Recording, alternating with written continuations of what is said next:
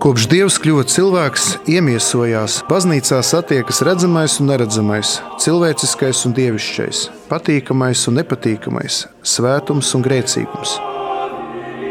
Kā tikt galā ar šo paradoxālo spriedzi? Paradoks. Klausies un piedalies Priesteri Ilmāra Tolsto vadītajā raidījumā katra mēneša 3. trešdienā, 2020.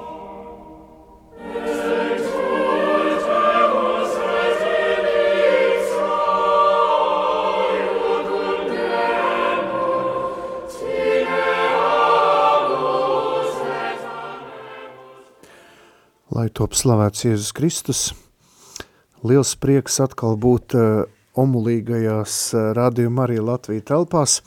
Šausmas mēnesis jau ir pagājis tik ātri, likās tik tikko bija iepriekšējais raidījums, un atkal mēs tiekamies šeit, lai pārdomātu atkal jaunu paradoksu. Nestāstīšu visus iepriekšējos paradoksus, mums te visādi bija, bet šodien mēs parunāsim par ateismu.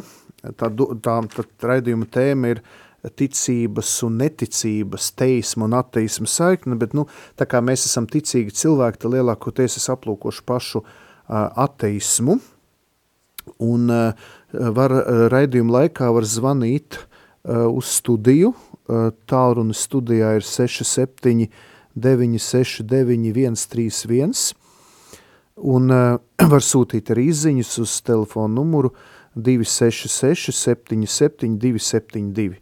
Tad 266, 77, 272. Nebūs viegla tēma, nesolu, ka būs viegli, bet man pašam bija interesanti. Es vismaz iz, izkos, izkonspektēju vienu te, šo te tēmu, un man likās, ka tas ļoti, ļoti interesanti, jo uh, kaut kādā ziņā mums liekas, ka ateisti ir tādi cilvēki, kur kuriem vajag cīnīties, un tāpēc paskatīsimies, ko nozīmē ateisms un kā baznīcai būtu jātiecas eh, uz ateismu. Tad vispirmām kārtām vārds ateisms tulkojumā nu, nozīmē atheos, tātad ne dievam, nepieņem dievu. Eh, un uz ateismu mēs varam skatīties no dažādām platformām, jeb prizmām, jeb skatu punktiem. Pirmām kārtām teoloģiski ateisms ir dieva noliekšana. Filozofiskā līmenī ateisms ir dieva eksistences noliekšana. Tātad teoloģiski cilvēks tic dievam, bet viņš e, ir sadusmojies pret dievu, viņu noliedz, tad filozofiskā līmenī e, cilvēks e, uzskata, ka dievu vispār neeksistē, dievs vispār neeksistē. Tad arī tāda reliģija zinātnes virziens – kurš vispār noliedz reliģisku kultu, jeb uzskata, ka e, mūsdienu pasaulē vai modernam cilvēkam tas nav nepieciešams. Un tad arī psiholoģiskais līmenis, kas uzskata, ka reliģija tā ir bēgšana no problēmām un līdz ar to tāda e, psiholoģiska iegrimšana kaut kādā savā abstraktajā pasaulē. Un, protams, arī socioloģiskais līmenis, kas uzsver, ka šai pasaulē jābūt laicīgai, un te nav vietas nekādiem reliģiskiem elementiem. Tātad pieci tādi virzieni, bet nu, es apsolu, es visu laiku nelasīšu tādas definīcijas, un tā nav arī lekcija. Mēs šodien neesam akadēmiskā lekcijā, bet iesim tālāk uz priekšu un paskatīsimies vēsturiski. Kāda bija ateisma klātbūtne vēsturē? Tad senajos laikos um, senajā Grieķijā, seno grieķu filozofi, Sokrāts, Aristotelis norādīja uz valsts reliģijas absurdumu un netikumību. Jāsaprot to, ka senajā Grieķijā reliģiskais kults nebija saistīts ar moralitāti. Tātad cilvēks varēja dzīvot tā, kā viņam ienāk prātā, galvenais bija aiziet un pakūpināt uh, valsts noteiktajām dievībām, un līdz ar to uh, Romas impērijas pilsonis ar to parādīja lojalitāti e, Cēzaram. Tātad bija Cēzars, kuru vajadzēja pielūgt kā dievu. Un e, tāpēc e, gan Sokrāts, gan Aristoteles uzskatīja, ka, tās, ka, tās, nu, ka šī reliģiskā, pagāniskā forma nepalīdz cilvēkam būt labākam, jo viņš izdarīja valsts pienākumu, pakūpināja tur attiecīgām dievībām, kā to prasīja Romas impērija, un pēc tam viņš varēja dzīvot pilnīgi, kā saka, savā, savā eh, vaļā, kā viņš vēlējās. Ja? Tātad senie eh, romiešu un grieķu filozofi uzskatīja, ka eh, tātad šī te reliģiozitāte ir, viņa nav, nepalīdz cilvēkam augt. Baznīcas tēvu laikā par ateistiem sauca tos, kas pārāva saikni ar baznīcu. Tātad tas, kas iekrita herēzē, apostāzē vai schizmā, to sāka saukt par ateistu. Tad, ja tu um, iekrīti maldos, tā, tad tu netici Dievam. Uh, tad uh, vēl arī, ka mm, tātad nākot vēlāk, tā, tātad turpinoties, skatāmies vēsturē, ja skatāmies uz citām uh, reliģijām, tad no visām reliģijām hinduisms ir, var teikt, ateistiski reliģiska sistēma, jo viņa ir vairāk balstīta uz nu, saplūšanu ar dabu, ar um, dažādu, varētu teikt, dabas parādību pielūgsmi, un mēs redzam arī, ka, nu, varētu teikt, ka seno latviešu cilšu reliģijās, gan Latvijā, gan citur, ir, mēs redzam, ka vairāk ir nevis kā reliģisks tātad akts, nevis kādas, kāda dieva vai dievība pielūkšana, bet bieži vien tiek personi, personificētas dažādas dabas parādības. Senajā Grieķijā ateisms ļoti maz sastopams un lielākoties bija izplatīts tā saucamais politeisms, jeb henote, un arī henoteisms.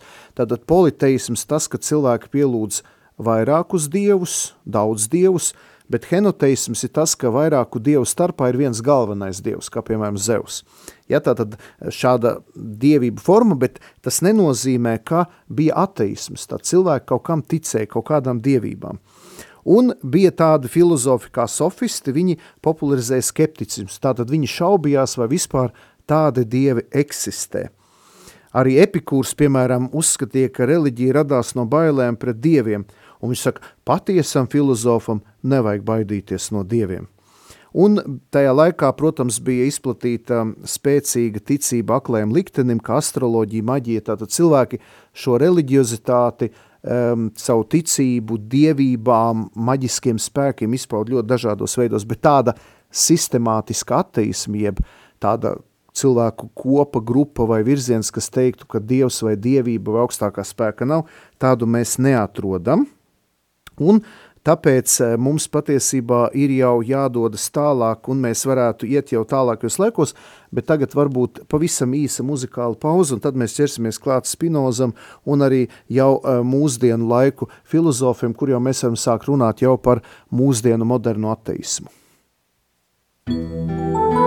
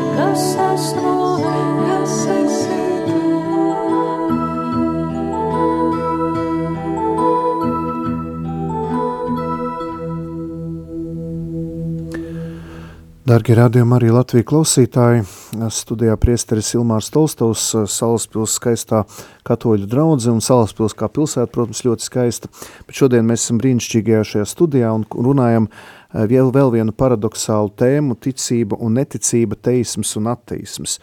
Un mēs noskaidrojam to, ka senajā pasaulē, senajā Grieķijā, Romas impērijā tāda tīra ateisma nebija, bija filozofi, kas uh, uzskatīja, ka pagānu reliģiozitāte ir uh, netikumība, ja cilvēks, cilvēkam nepalīdz augt, ka lielākoties tā bija tāda pielabināšanās vai valstī, vai dievībām, vai kodiem augstākiem spēkiem, un lielākoties cilvēks varēja kaut ko tur pielūgt un pēc tam dzīvot tā, kā viņam ienāca prātā. Lūk, bet mēs esam nonākuši līdz jau jaunākiem filozofijas laikiem, un Spinoza bija tāds filozofs, bija pirmais, kas sāka apšaubīt matērijas un gara dualismu.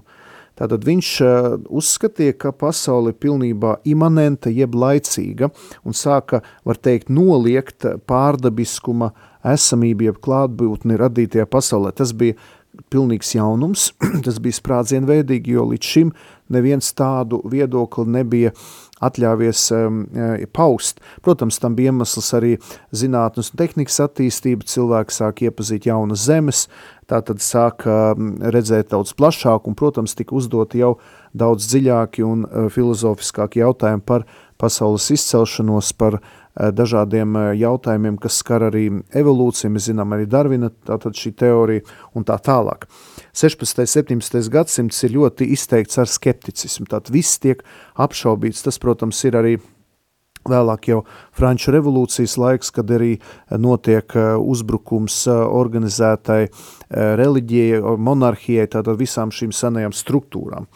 Un 18. gadsimts Renē Dekarts, būdams ticīgs cilvēks, tomēr sāk sludināt cilvēka mašīnas teoriju un uzskata, ka cilvēks ir autonoms savā rīcībā. Tad sākās ateistiskā materiālisma laiks un arī uh, cilvēka autonomijas eh, laiks, kad tika uzskatīts, ka cilvēks eh, var, būt arī neatkarīgs no dieva, no dievības, no augstāka spēka. Tātad sākās šis process, kad eh, cilvēks sāk apzināties sevi kā autonomu būtni un varētu pat teikt, sākās sacelšanās laiks. Tātad cilvēks sāk sacelties pret Dievu. Šajā raidījumā man nav laika izvērst, jo tas viens raidījums ir par maz, lai izvērstu visus šos iemeslus, kāpēc tas tā notika, bet skaidrs, ka attīstās filozofija, attīstās um, tehnika, attīstās zinātne, attīstās daudzas citas jomas, un uh, cilvēks sāka, um, nu, kā saka, sāka um, iebilst, sāka šaubīties, viņā parādās skepse. Un, protams, nākamie, nākamie filozofi, tas ir Feirbachs, kas pretojas Hegeļa gara ideālismam. Mazliet pastāstīšu, Hegels tad uzskatīja, ka visu pasauli vada gars, un šis gars ir prioritārs un veidojas tāda spriedze starp garu, garīgo sfēru, materiālo sfēru, un veidojas tā divi tādi grupējumi, kas savā starpā mazliet cīnās, Hēgeļa grupējums, kas vairāk ir eh, Hēgeļa ideālisms, tātad gars, kurš visu pārņem, un Hēgelismu ietekmē dzimst arī romantisms, jeb tāds, nu, tāds um, garīgi emocionāls tāds virziens, kas visā, visā saskata šo um, augstāko garu. Un tad ir Feuerbachs, kas nostājas pretī un uzskata, ka ir tīra matērija un ka tur nav nekāda gara. Un tālāk jau Feuerbacham uh, seko Kārlis Marks un Friedrichs Engels, domāju, vecākā paudze ļoti labi zina šos divus vīrus un dzimst arī marksisms, un uh, sākas jau vēl lielāks uzbrukums ticībai, uh, tātad viņi uzskata, ka racionāli nevar pierādīt dieva eksistenci, tiek apšaubīti svētā akvīnas toma šie via, dieva esamības pierādījumi, tātad, ka pasaulē tātad viss ir kustībā, kad ir uh, nu, daudz, daudz citu šie pierādījumi.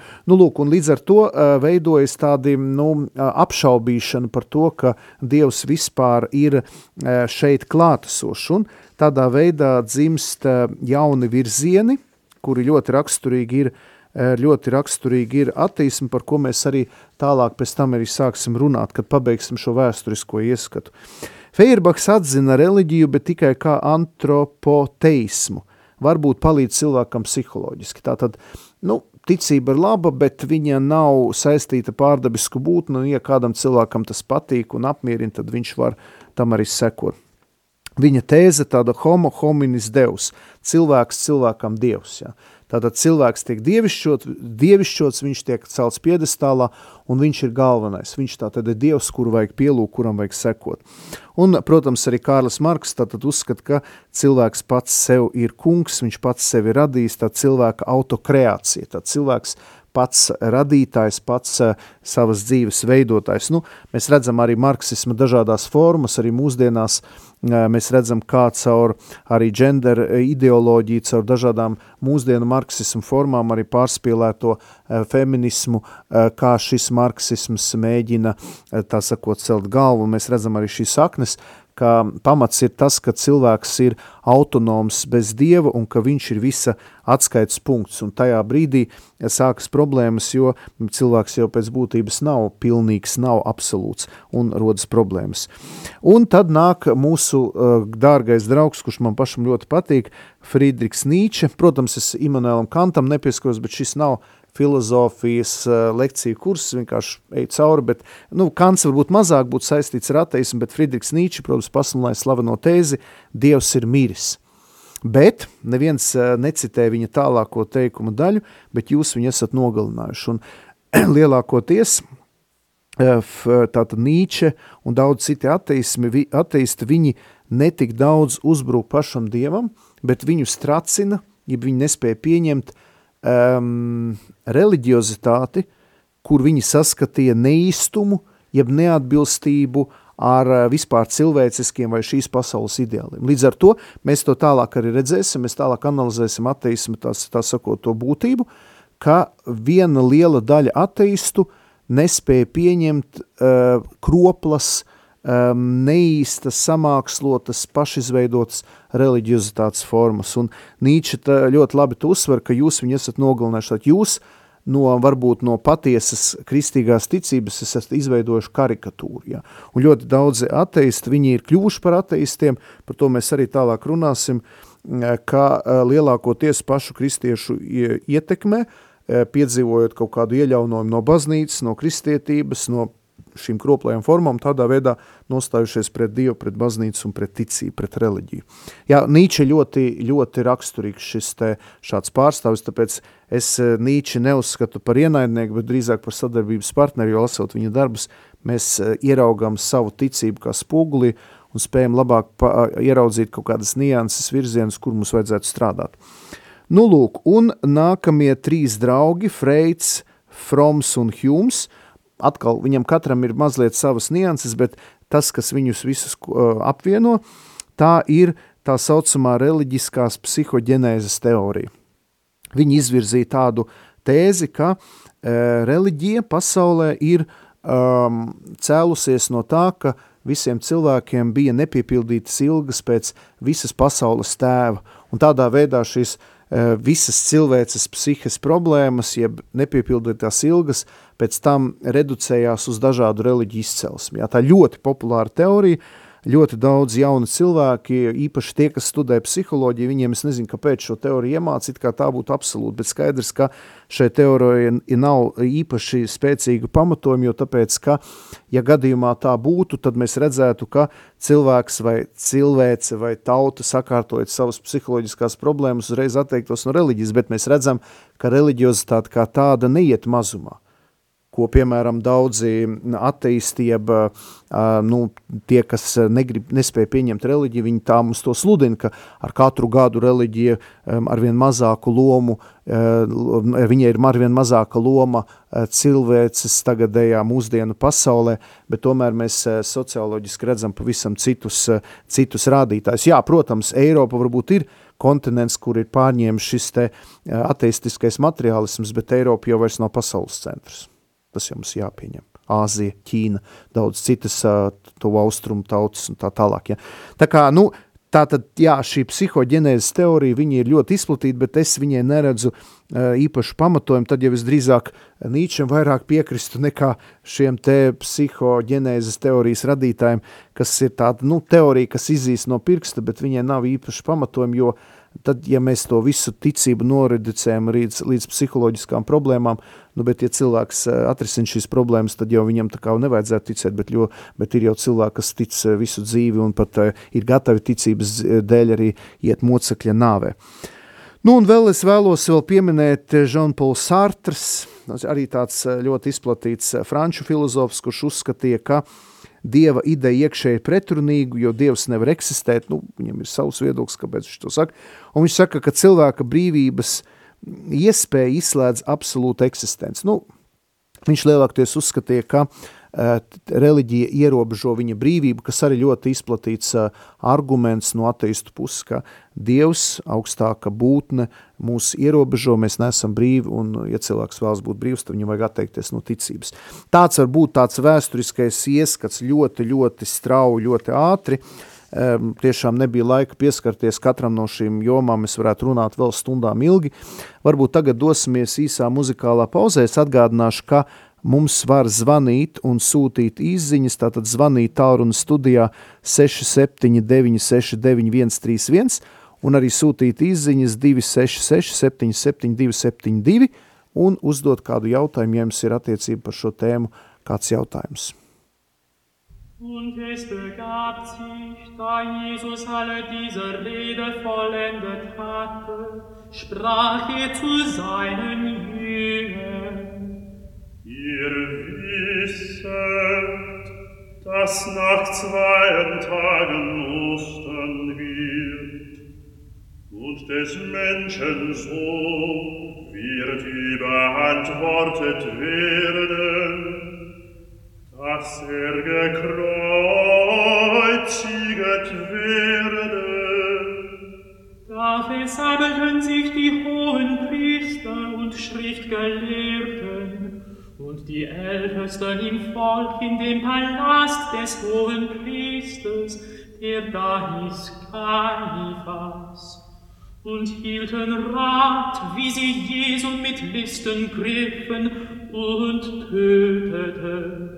Sie sprachen aber, ja nicht, ja, nicht, nicht auf das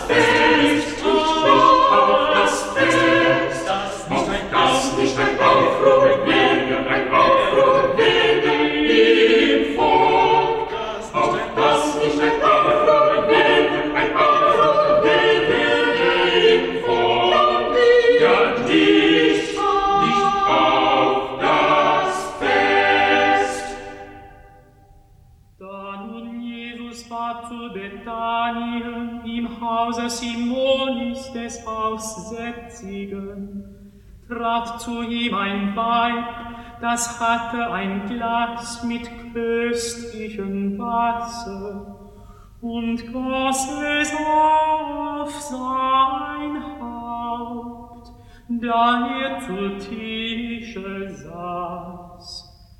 Da das seine Jünger sahen, wurden sie unwillig und sprachen, so singet diese, singet diese, singet diese, singet diese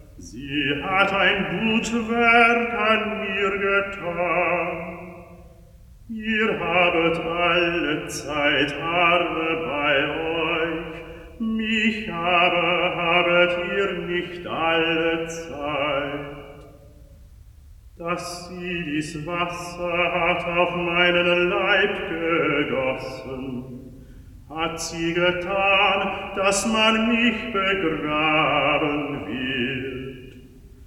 Wahrlich, ich sage euch, wo dies Evangelium geprediget wird in der ganzen Welt, da, da wird man auch sagen zu ihrem Gedächtnis, was sie getan hat.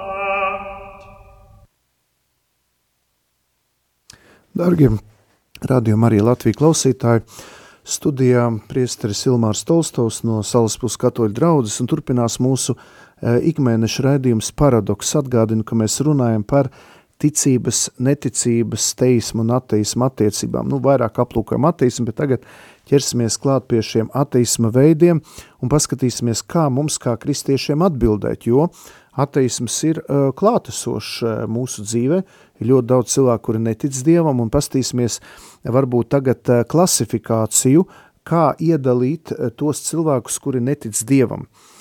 Ir vairākas uh, iespējas klasificēt, un um, literatūrā aplūkoju, apskatījos, ka ir iespēja trijos veidos iedalīt visus tos, kas netic Dievam. Tad pirmais ir asortīvais veids, tie ir tie, kas noliedz reāla Dieva esamību. Tie ir tie, kuri tic augstākam spēkam, ka kaut kas sēž uz mākona maliņas, bet uh, reāls Dievs neeksistē, ja šie cilvēki tātad.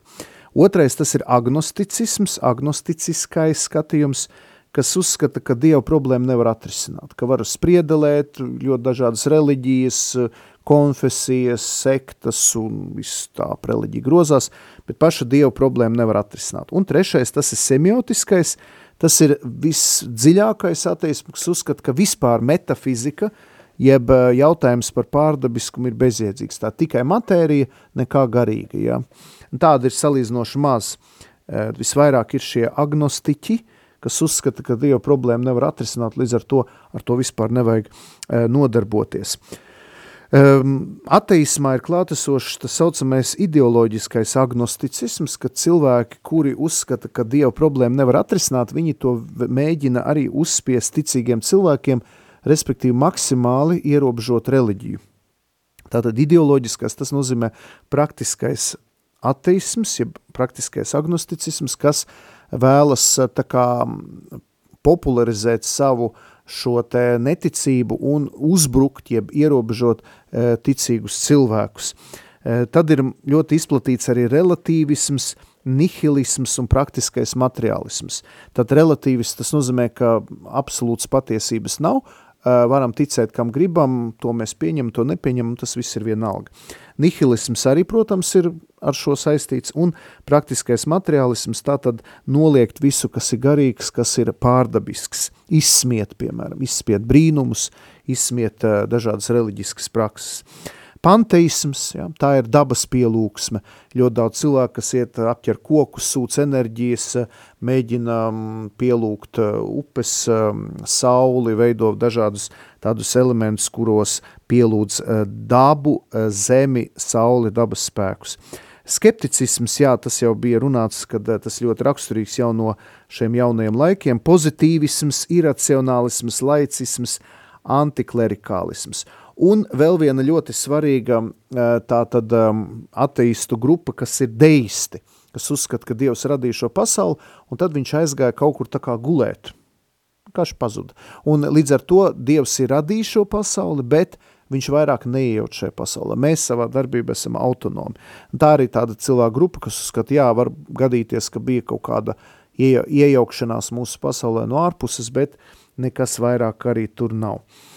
Lūk, un, e, lai varētu tālāk analizēt ateismu, vēl es vēlos arī mazliet no sevis pakomentēt, ka mana teoloģiskā disciplīna arī saistīta ar dialogu ar ateistiem, un mēs e, Ljubļinā, kad savā laikā studēja lekcijās, mēs apguvām arī tā saucamo mūsdienu metafizisko ateismu, jeb antiteismu. Un tas ir tāds jau daudz dziļāks ateisma veids, kad e, cilvēks e, tā tad atzīst, ka eksistē pārdabiskais, bet viņi uzskata, ka pārdabiskais it kā izriet no pašas dabas, ja? bet viņi nav arī panteisti. Ja? Tad jauns veids, kas arī šobrīd attīstās Francijā, un, un interesanti, kad šī antiteisma pārstāv uzskata, ka viņi principā var pieņemt Jēzu, viņi var pieņemt jauno derību, bet tikai nevar pieņemt augšām celšanos. Tad viņi pieņem kristīgās ticības morāli ētisko, morāli ētisko mācību, un viņi uzskata, ka ir vajadzīgs būt garīgiem, ka ir vajadzīgi mīlēt, vajadzīgs eh, kalpot, ir jābūt žēlsirdīgiem, ja? tad ļoti daudz no kristīgās ticības viņi paņem, bet līdz noteiktai robežai. Un šī grupa šobrīd ļoti spēcīgi attīstās, un eh, jādomā, kā kristiešiem atbildēt uz šiem antiteistu tādiem izaicinājumiem, uz tiem uzdotiem jautājumiem, jo kurā gadījumā, kā es vēlreiz teicu, uh, mēs arī redzēsim, mēs skatīsimies, kā uz um, ateismu problemātiku atbild Vatikāna otrais koncils, jo Vatikāna otrā koncila dokumentā Gaudījum et spes, tātad uh, dokumentā par baznīcas eh, klātbūtni mūsdienu pasaulē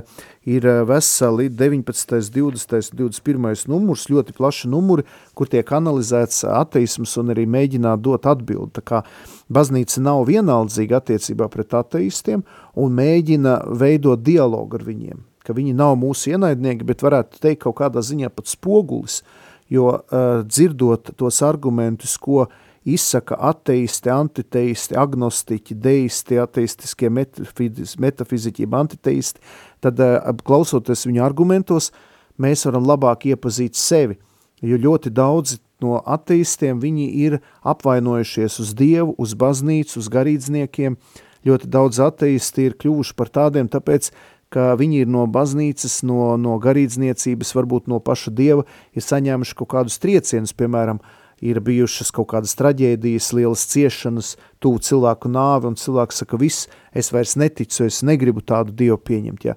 Un, un tie ir tie cilvēki, kas it kā tic Dievam, bet ir sadusmojušies pret viņu, sadumpojušies pret viņu, nostājušies pret, cīnās pret, ja.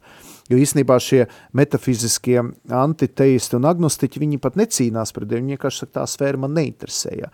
Es, es zinu, ka ir kaut kāds, eh, kaut kāds eh, perpetuum mobile, kaut kāds eh, mūžīgais zinējs, kaut kāds, kaut kāds radošais gars, kas to visu uztur, bet mani tas neinteresē. Bet tādi karojošie ateisti lielākoties ir cilvēki, kuri ir apvainojušies Dievu, un šos cilvēkus nevajag nicināt, šos cilvēkus vajag uzklausīt un paklausīties, kāpēc viņi ir kļuvuši par ateistiem, kāpēc ir šādi argumenti, un arī tās filmas, ko rada ateisti, piemēram, Ļoti daudz ir arī šī Ceitergeist filma, es nezinu, cik viņi tādi populāri, pirms vairākiem gadiem ļoti populāri, ja, par to, kā, kā viņi uzskata, ka Romas impērija sevi integrēja pagānismu, ja, tātad Romas katoliskā baznīca integrēja pagānismu, ka mūsu ticībā ir ļoti daudz pagāniski elementi, un tad viņi uzskata, ka mūsu ticība nav vis kā kristīgā ticība, bet augstāk attīstīts senās Romas pagānisms tā tālāk. Un ļoti interesanti ir analizēt, šīs gan filmas, gan arī šos cilvēkus un padomāt, kāpēc viņi tā uzskata un kāpēc viņi tā sludina un kas tur ir apakšā, no kurienes tas ir cēlies. Ja? Un analizēt šīs saknes, meklējot atbildes, mēs varam paši augt. Jo vieglāk, protams, ir pateikt, ka viņi visi ir duraki, viņi visi neko nesaprot, viņi stulbi, viņi visi deg sēlas ugunī, viņus visus vajag nolādēt, un viņi visi ir, ir pretinieki. Ja. Bet eh, tāds, eh, tāds eh, skatījums ir ļoti nepareizs, jo mums ir jāveido dialogs. Arī šobrīd mēs atrodamies, tā teikt, sinodālajā ceļā, un arī pāvis aicina visu baznīcu ieklausīties arī tajos, kas mums nepatīk ieklausīties arī citu, eh, citus cilvēku viedoklī. Pat ja viņš ir neticīgs cilvēks, viņam ir kaut kas, kāpēc viņš netic, kāpēc tas tā ir, no kurienes tas ir. Ja? Tā kā gribētu, gribētu tādā veidā iedrošināt tik vienu, lai mēs nebaidamies eh, meklēt atbildes arī pie tiem, kas sevi pasludina kā neticīgu cilvēku. Ja? Jo tādu īsti neticīgu jau nemaz nav. Visi kaut kam tic. Ja. Tic eh, melnajam kaķim, tic, eh, ka neiet, nedrīkst iet eh, cauri elektrības stabam, nedrīkst kāpt kanalizācijas vākam, ja. nedrīkst sveicināties pār slieksni. Ja. Man bija vienreiz viena saruna rūdītu ateistu, mēs līdz pieciem naktī diskutējām, un tad ejot ārā, es viņam gribēju pasniegt roku pār slieksni, un viņš saka, nē, nē, nē, pār slieksni nedrīkst roku. Es saku, nu, bet tu taču esi ateists kur tad tava neticība? Ja tu, tie, ja tu saki, Dievam netic, bet eh, pāris lieksnim nesniegs roku, jo tad var kaut kas slikts būt. Ja? Tad ļoti liela mainticība, eh, ļoti die, daudz okultisms, ezotērika ir arī tajos cilvēkos, kas sevi pasludina par ateistiem un neticīgiem. Ja? Tā kā to ir ļoti interesanti vērot, ka cilvēks tomēr ir pēc būtības eh, radīts pārdabiskojam. Viņš var to noliegt, bet kā svētais Augustīns savā laikā teica, nemierīgi ir mana sirds, kamēr tā neadusies tevī, kungs. Un mēs redzam, ka cilvēks var um, sadusmoties pret Dievu, noslēgties, aiziet no viņa, bet viņa sirds turpina saukt. Un tāpēc gribētu iedrošināt ikvienu gan ticīgo, gan neticīgo arī attīst, lai mēs nepārstājam meklēt atbildes, lai mēs nepārstājam uh, meklēt atbildes uz sasāpējušiem jautājumiem, jo nav tā, ka mēs visu zinām. Es uh, pirms vēl muzikālās pauzes nocitēšu vienu man ļoti dārgu teologu, Tomašu Halīku, čehu teologu, es viņu uh, tēzes izmantoju savā doktora disertācijā, un viņam bija intervija savā laikā žurnālā Rīgas laiks, un tur viņš tieši arī uzsvēra, ka diva kategorija cilvēki kļūd, kļūdās. Tie ir ateisti, kuri saka, ka Dieva nav, un otri ir to tādi radikālie harizmāti, ka viņi saka, ka viņi reāli pazīst Jēzu. Un viņš saka, kā viņi abi, abi divi to zina. Ja? Un viņš teica, ka tā patiesība ir kaut kur pa vidu, un tāpēc ateistam arī ir kaut kāda taisnība, viņš arī kaut, kaut, kaut, kaut kas, kas ir tas, kāpēc viņš tā uzskata, un arī mums var būt arī kaut kādas lietas, kuras mēs līdz galam nezinām. Tāpēc tāda veselīga skepse, veselīgs varbūt tāds, nu tādas šaubas, viņas ir ļoti, ļoti vērtīgas arī šajā dialogā, un, un ir ļoti svarīgi meklēt to platformu, to plāksni, nu, uz, uz tās, tā dialoga saskarsmes punktu, kurā mēs varam veidot šo dialogu. Es domāju, mēs esam nopelnījuši tagad mazu muzikālu attelpu. Es gribu atgādināt, ka var zvanīt un uzdot jautājumus, eh, zvanot pa tālruni studijā 679 131, vai arī sūtot izziņas uz tālruni 266 77 272. שיר למעלות אשא עיניי אל ההרים, מאין יבוא עזרי. עזרי השם, עושה שמיים וארץ, אל ייתן למות רגליך, אל ינום שומרך. הנה לא ינום, ינום ולא יישן שומר ישראל.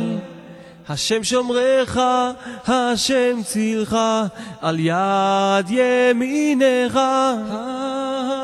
יומם השמש לא יככה, וירח בלילה. השם ישמורך מכל רע. ישמור את נפשך, השם ישמור צאתך ובואך, מעתה ועד עולם. שיר למעלות, אשא עיניי אל ההרים, מאין יבוא עזרי.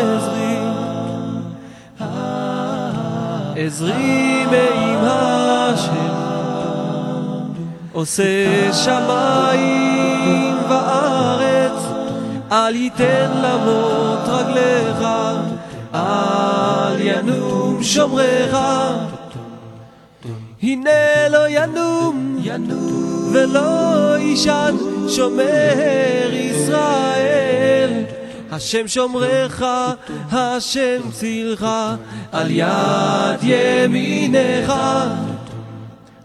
יומם השמש לא יככה, וירח בלילה.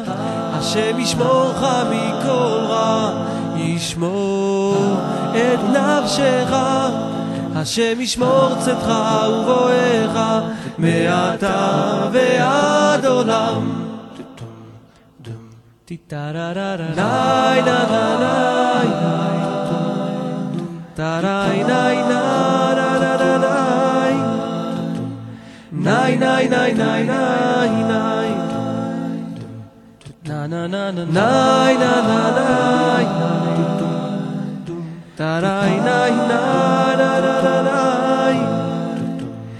Nine, nine, nine, nine, nine.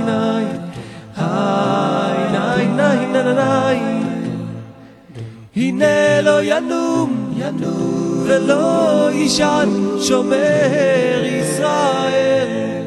השם שומרך, השם צילך, על יד ימינך. יומם השמש לא יככה וירח בלילה השם ישמורך מכל רע ישמור את נפשך השם ישמור צאתך ובואך מעתה ועד עולם השם ישמור צאתך ובואך מעתה ועד עולם Radījumā arī Latvijas klausītājs studijā priesteris Ilmārs Tolstovs. Esmu atbraucis no salas puses uz šīm skaistiem, foršajām radiotelpām, lai kopā ar jums um, baudītu kārtējo paradoksu, ticība, neticība, teisms, ateisms, un mums jau ir viens jautājums.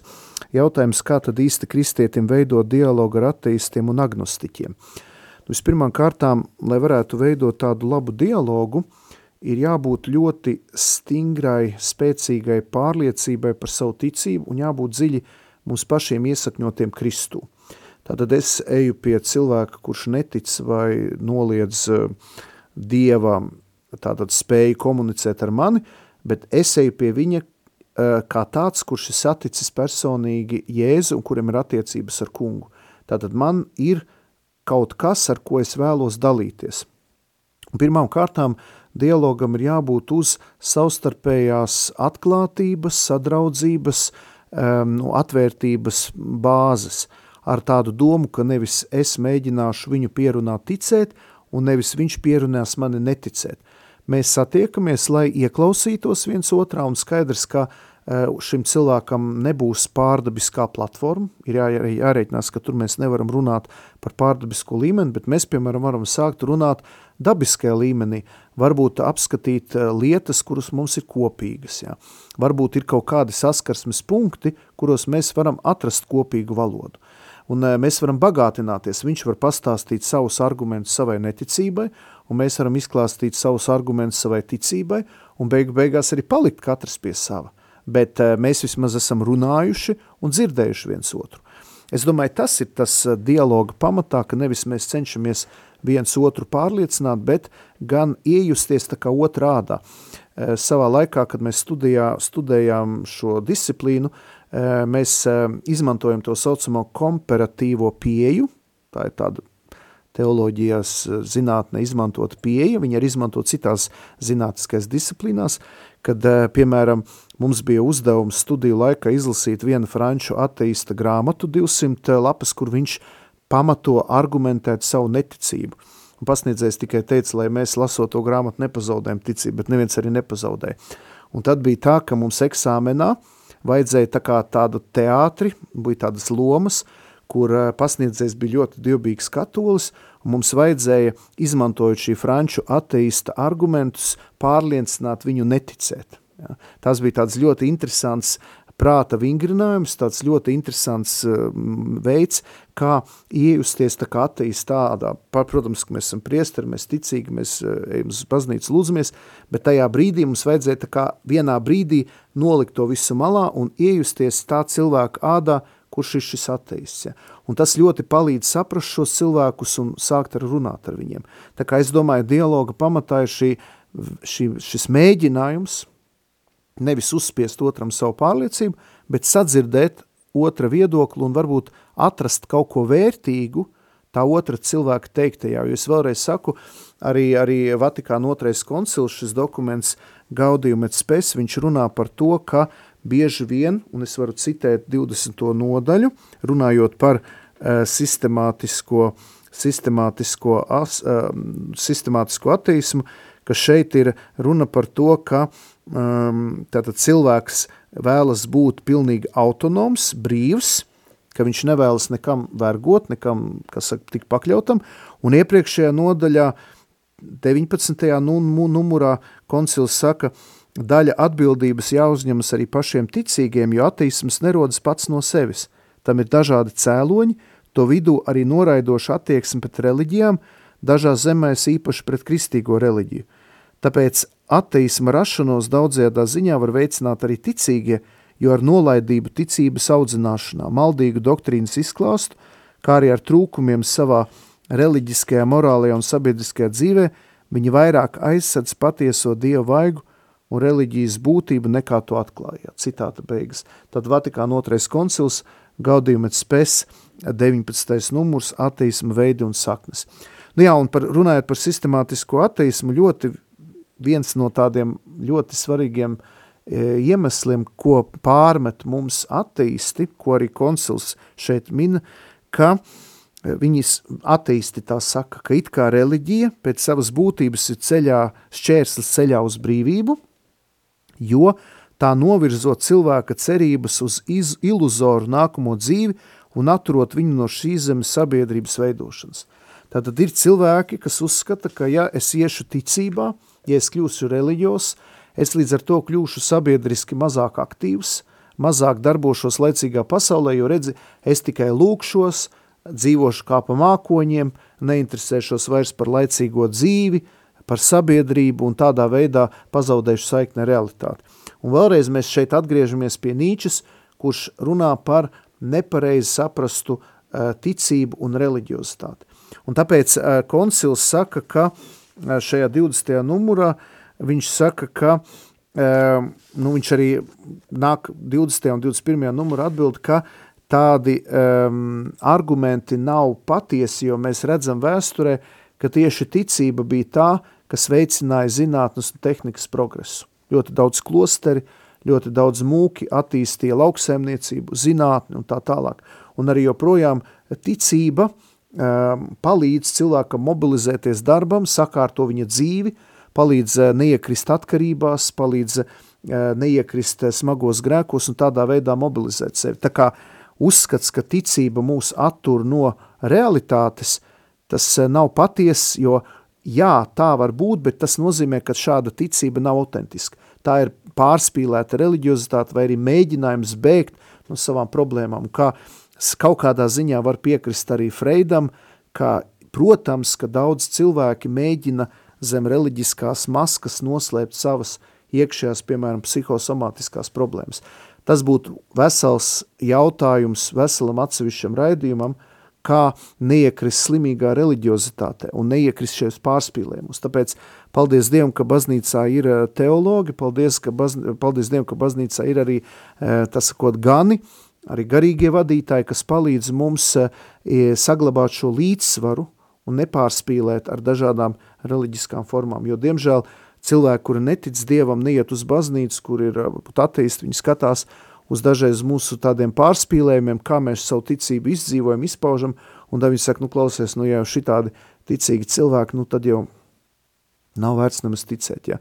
Mēs pavisam nesen redzējām arī šos jautājumus, kas skāra pandēmiju, šie vakcinācijas jautājumi, ja ka cilvēki burtiski atsakās no zinātnes atziņām un iekrīt dažādos, piemēram, mm, dažādos maldos, piemēram, dažādās sazvērstības teorijās. Ja. Cik ļoti viegli ticīgie cilvēki padodas visādām mainticībām un dažādām pseido ticības izpausmēm, ja? un tas viss kļūst par pretliecību, ja? cilvēka no malas skatoties uz tām reliģiskām darbībām, viņš saka, nu klausieties, nu jau ticīgi cilvēks tā dara, tad vispār, ziniet, man tas nav vajadzīgs, ja? Tā kā te ir jautājums, ko arī saka koncils, ka e, ir nepieciešama, e, ir nepieciešama pašas baznīcas attīrīšanās, pašas ticības attīrīšanās, un vienīgais veids, kā mēs varam, ja tā var teikt, nu es negribu lietot šo vārdu cīnīties ar ateismu, vienīgais veids ir pašiem kļūt par autentiskākiem kristiešiem. Jo ja mēs savu ticību izdzīvosim patiesi, autentiski, dzīvi, dziļi, neatrauti no realitātes, no šīs pasaules, tad mēs kļūsim par spēcīgu liecību. Tad nebūs vairs argumenti cilvēkiem, ka viņi varēs teikt, nu jā, nu paskatieties, kā viņi, kā viņi uzvedās, kā viņi dzīvo. Tātad mūsu uzdevums – To arī saka e, šeit e, koncils 21. numurā, taču, lai dziedinātu no ateisma, nepieciešams gan atbilstoši baznīcas doktrīnas skaidrojums, gan arī nevainojama baznīcas un tās locekļu dzīve. Baznīcas uzdevums taču ir nemitīgi atjaunojoties un attīroties svētā gara vadībā, darīt klātesošu un it kā redzamu Dievu tēvu un iemesoto dēlu. Ja? Tātad eh, šeit eh, koncils arī parāda mo, uz mocekļiem, kad mocekļi un tie ticības liecinieki, kas ir varonīgi ziedojuši savu dzīvību par ticību, tad viņi ir tie, kuri ir kā liecība mūsu patiesai autentiskai ticībai. Un uh, koncils arī saka, lai gan baznīca nepārprotami noraida ateismu, tā atklāti atzīst, ka visiem cilvēkiem, gan ticīgiem, gan neticīgiem, ir kopā jāstrādā, lai šo pasauli, kurā tie visi dzīvo, patiešām darītu labāku. Un tas nav iespējams bez atklāta un saprātīga dialoga, saka koncils. Tāpēc baznīca izsaka nožēlu par atsevišķu valstu vadītāju iztenot cilvēku klasificēšanu ticīgos un neticīgos, ignorējot cilvēku personas pamatiesības. Nu, eh, tā tad mēs eh, tiekam aicināti, un baznīca mums, viņa arī beigās šeit, eh, šajā koncila dokumentā 21. numurā citē svēta Augustīna šo vārdu, mana ne, sirds ir nemierīga, kamēr tā neadusēsies vai neatradīs mieru tevīkungs. Tātad mēs redzam, ka mums kā ticīgiem cilvēkiem ir dot šis piepildījums. Mēs esam satikušies ar Kristu, un mūsu uzdevums ir nemitīgi šīs attiecības atjaunot. Un es domāju, ka šis sinodālais ceļš, kurā mēs esam, šis sinodālais ceļš, tā ir brīnišķīga iespēja atjaunoties ticībā. Un jo, jo mēs būsim autentiskāki kristieši, jo mēs būsim atjaunot ticībā un atvērt uz dialogu, sarunu, jo lielāk mums būs augļi. Un es neuzskatu, ka visi ateisti, antiteisti, deisti, agnostiķi un panteisti un antiteisti būtu uzreiz jāpievērš ticībai. Gan jau viss pienāks savā laikā. Mūsu uzdevums ir būt pārliecinātiem par savu ticību, padziļināt ticību, pieaugt attiecībās ar Dievu, ar, ar brāļiem māsām baznīcā, ieiet dziļākās attiecībās – un tad caur to dot liecību tiem, kas netic. Ja. Nevis viņus pārliecināt, nevis viņus spiest, nevis viņus kaut kādā veidā nu, mēģināt viņus padarīt par, nezinu, par kaut kādiem noziedzniekiem. Šiem cilvēkiem ir liela vērtība, un godīgi sakot, es tiešām, ja kāds ateists dzirda šo raidījumu, un es tiešām ļoti gribētu, man sen esmu tādu īstu rūdītu foršu ateistu saticis, ja. tā man parasti ir kā tāda, kā tāda, nu, kā tāds dārgums, kā tāda balva, uh, kad saruna ar kādu, kurš reāli netic Dievam, un tas ir kaut kas vienreizējs. Tā kā mē, gribētu ticīgos cilvēkus iedrošināt, nebaidīsimies runāt ar šo cilvēkiem. Un ja mums ir bailes, ka šie attīsti mūs atrunās no ticības, tad ar mūsu ticību kaut kas to kārtībā. Ja mēs satiekam attīstu, kurš mums pierunā neticēt Dievam, tad kaut kas mūsu ticība nav kārtībā. Un viņi lielākoties ir kā indikātori, kā lakums papīriņš, kādi mēs esam. Ja mēs esam vāji ticībā, ja mūsu ticība balstās tikai uz kādiem zababoniem vai mainticībām, vai tikai uz sveitītu ūdeni, sveitītu agatas maizi vai lieldienu olām vai maltīti vai vēl kaut ko, ja? nu skaidrs, ka viens ateis ar saviem argumentiem mūs var ļoti ātri atrunāt no ticības, jo tā ticība ir lielākoties tikai vai nu mainticība vai tikai saistīta ar uh, tautas uh, dievbības uh, formām, ja? kas nav paši pa sevi sliktas. Es negribu noliekt ne agatas maizi, ne sveitīto sveci ūdens, viss ļoti skaisti. Un tie, kas salaspilī, viņi zina, ka es tur esmu veseliem bačakiem svētīt ūdeni, salic mums ir svētītās sveces, salaspils baznīca visu dienu vaļā, nāciet, ņemiet ūdeni, sveces, dedziniet, dariet, ja?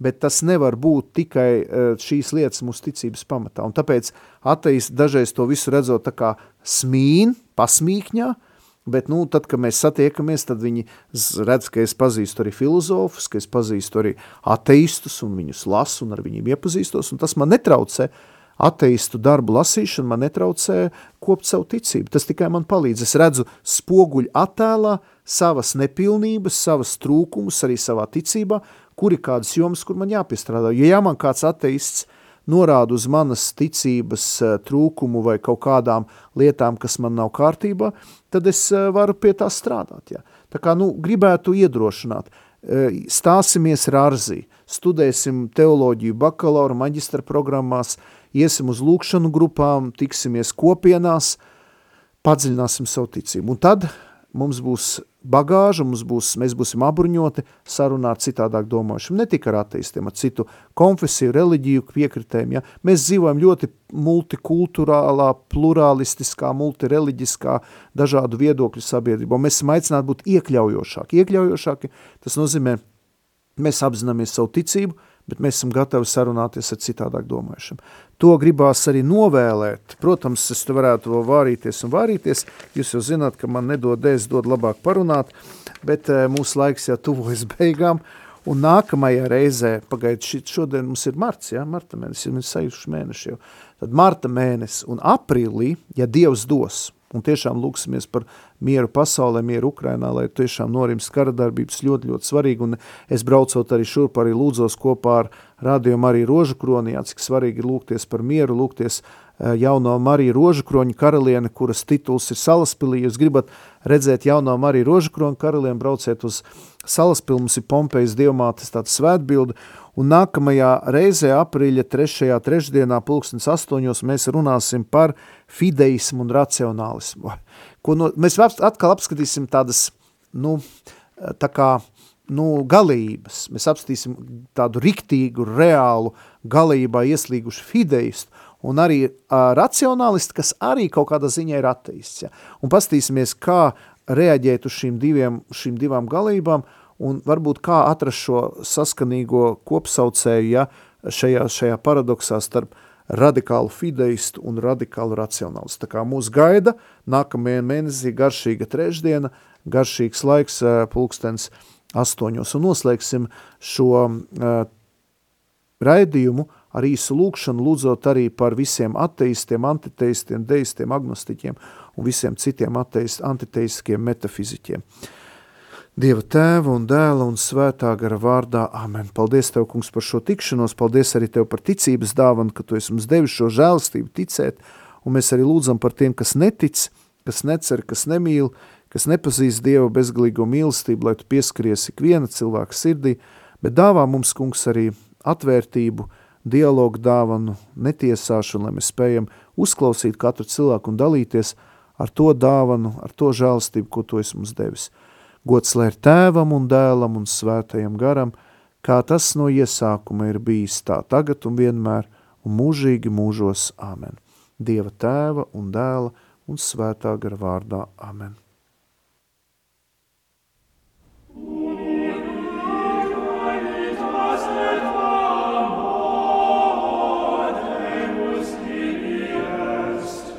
Kopš Dievs kļuva cilvēks, iemiesojās, baznīcā satiekas redzamais un neredzamais, cilvēciskais un dievišķais, patīkamais un nepatīkamais, svētums un grēcīgums.